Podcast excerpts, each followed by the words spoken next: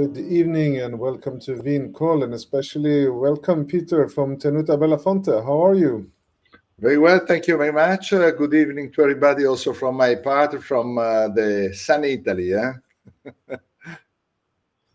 wow, so you are in the center of Italy. Tell me, tell me where you are. Yes, Tenuta Bellafonte is in Umbria. Umbria is exactly in the heart, uh, is considered the is uh, north of Rome, south of Florence. It's a very green area uh, where uh, the most famous wine area is Montefalco, where I am and where we produce our wines. Good and great to have you on the show. And um, we're going to talk about your winery, but especially we're going to talk about one of one of your wines that will be released in Sweden in the beginning or in the middle of October, on the 13th of October. And uh, let me give it a try to pronounce uh, the name of the wine. My Italian is not what it's supposed to be. So, Colen. No, I lost Collenottolo. Colento. Collenottolo. Thank you. Collenottolo. What does it mean, by the way? Uh, Collenottolo is the name of the place where is uh, located the winery. Is Colle means uh, hill, and Nottolo in the local dialect means uh, uh, the bats. Uh, so it, in the past should be a place where some bats has been seen. Uh, so we give this name because uh, uh, in um, b- in beside the winery there are also vineyards of Sagrantino. That is the the variety that is 100% of the Montefalco Sagrantino.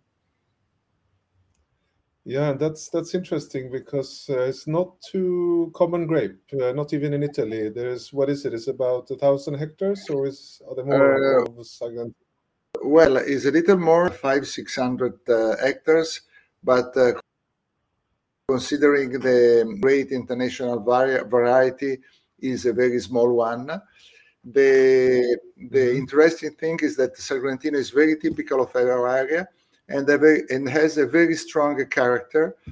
Uh, once you drink it, uh, you remember it because uh, it's a very peculiar variety. It has very um, is, is quite tannic in terms of content, but the way we we vinify it makes it a very um, interesting and movable uh, wine. Clearly, is uh, made to Uh, be drunk with food uh, because uh, it's not the kind of wine that you drink at aperitif. But it gives a great uh, a meal uh, with, as an example, a good steak or something like that is perfect. And Sagrantino is really a great pleasure with with food. Yeah, and now we are, uh, if I'm not mistaken, the release here in October in Sweden in the temporary assortment. It's the vintage of 2016. Yes, we uh, start uh, to release this vintage also in uh, in other country, Italy, also. Uh, mm-hmm. because uh, the process to prepare and to vinify the Sagrantino takes time first of all, we make a very simple uh, uh, agriculture. So that means uh, I don't like the word natural because it's a little abused now in the wine uh, world. Uh, so I prefer to, to say it simple. That means that we don't use much, less as possible, and mainly and mm-hmm. mainly products that are very compatible with the environment around us, and clearly that don't give any residual in the wine that we drink even more in the in the winery. We don't use any help let's call it. We only use uh, um, uh, autochthonous yeast so natural fermentation and a long period in the large slavonian oak barrel 50 hectoliters so very big. And this helped not to give uh, too much wood taste to a wine that it reached by itself. Uh, and and when you say long time, sorry to interrupt, it's uh, 36 months or something? Uh, three years, yes. Three years in, at least. Uh, sometimes uh, we need even more, so it stays even four. And after that, we um, uh, bottle the wine without any filtering because the wine has to be alive. And in these three years, uh, is clean enough to be to be bottled without filtering has been decanted so we throw away all the little particle that can, can be found. So it's a clean wine, but not filtered. We also vinify um, entire berries. This means that during the process we don't press the berries, we just destem it, and this help mm-hmm. to have a very soft vinification, not to over extract the tannins that uh, are in the berries. And Understand. And uh, we uh, vinify at a very low temperature. This again, not to extract and to preserve perfume for me, um, wine, half of my drinking is done with my nose, so I like the perfume of the wine. So for me, it was very important, and it's still very important to preserve a good um, uh, approach when uh, when you make when you put your nose in the in the glass. So a lot of uh, hard work and a lot of time before we can enjoy the wine, right? Sure, it's a long process, but it gives a great uh, uh, satisfaction when you finally open a bottle of Sagrantino. Um, and uh, this is uh, important to give the right time for a correct maturation. So uh, that uh, when you buy a bottle you can immediately open but not only. If you want to keep a Sagrantino is a wine that may last for many many years uh, with a very nice and interesting evolution in the time. So uh, it's important that the bottle are ready when uh, they are put on uh, on on the market, but uh, it's not just uh, that the only right time to drink it. It can be drank also many years. Good that you mentioned. So if I if I go here to the Swedish stores in in 13th of October, I pick up a number of bottles of the wine. I decide to this Friday open a bottle of wine. As you said, it's still it's ready to drink it's probably uh, quite high tannins at this time, or can, what can you tell us about 2016 if you would drink it today? Uh, if you drink it today, uh, you have the tannins, but this is part of uh, the Sagrantino. You will always have mm-hmm. the tannins. Uh, the only question is how are those tannins? And uh, today, 2016 has smooth tannins. They are not aggressive, they are not arshy, they are not green, and they are sustained by a good acidity. It's a good uh, uh, time to, um, to, to, to drink it. Um, and if you wait, you will have also some evolution that, by the way, with the Sagrantino is quite slow. So you can have this uh, strong, vibrant wine also in some years. And then uh, I guess the obvious uh, what to pair it with food wise. I need proteins and a bit of fat, meaning a nice piece of meat and a nice sauce, or what, what's your favorite combination?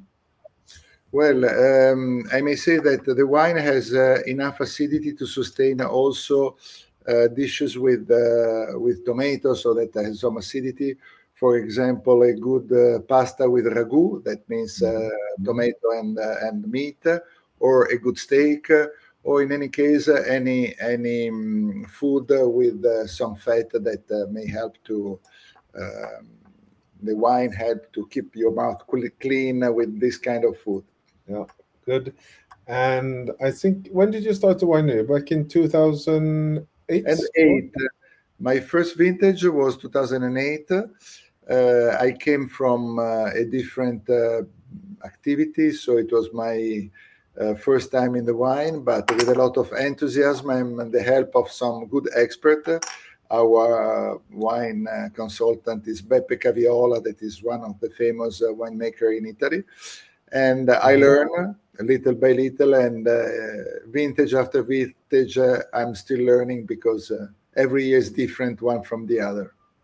Understand. And do you still have some of the 2008 vintage in the cellar?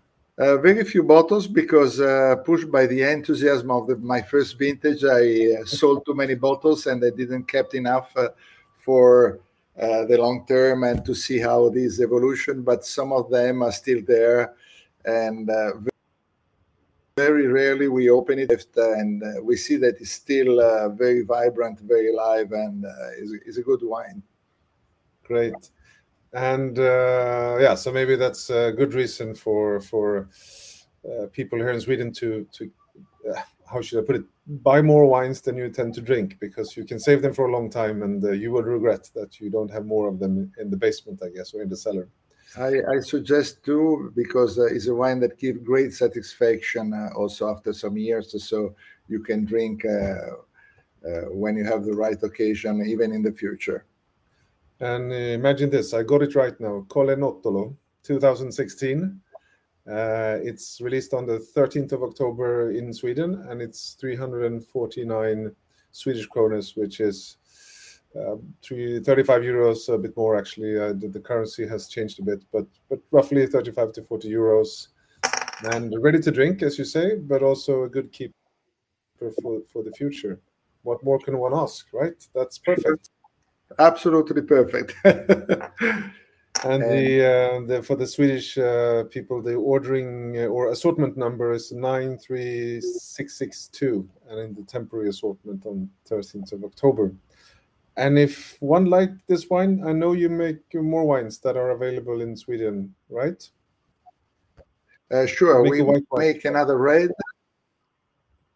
another area where we have our vineyards, and is a Rosso di Montefalco, uh, and is based on Sangiovese, 80% Sangiovese and 20% Sagrantino. So it's a little less tannic, so uh, it's more smooth and uh, let's say for more daily use. Uh, and is a very very nice wine that uh, got very good reviews uh, in Italy and abroad. And to white, out of a very ancient variety of Umbria that is called Spoletino, that was really disappeared 20 years ago and now is coming back with very elegant and interesting wine. And again wine that can age that for a white is not so uh, easy but uh, in the case of, of spoletino this happen and give a very very uh, wine uh, in the time. Nice. That's, so there's more wines to try uh, but for tonight, uh, I think you uh, explained a lot and learned us a lot about the, the grape and, and the process of, of making this wine. It's quite impressive um, uh, the time you spend on it. So I look forward to to try it on the 13th of October. And uh, whenever you're in Sweden, let me know. Um, and we'll, we'll, be very happy. And you in Italy, and uh, because is the the winery is open to visit, so everybody that would like to visit our uh, region, um, come and visit our winery. Thanks for the invitation. I'll make sure uh, we'll visit you as well. Uh, enjoy the, the the evening in uh, sunny Italy, as you said at the beginning. Uh, Stockholm is a bit grey, but uh, yeah, you can't have everything, right? Exactly, and that's the season. We have to follow the season. My must tip there. Take good care, Peter, and Thank thanks for, much. for joining uh, this tonight. Take good care. Really, Bye-bye. thank you very much, and. A presto. Bye. Bye.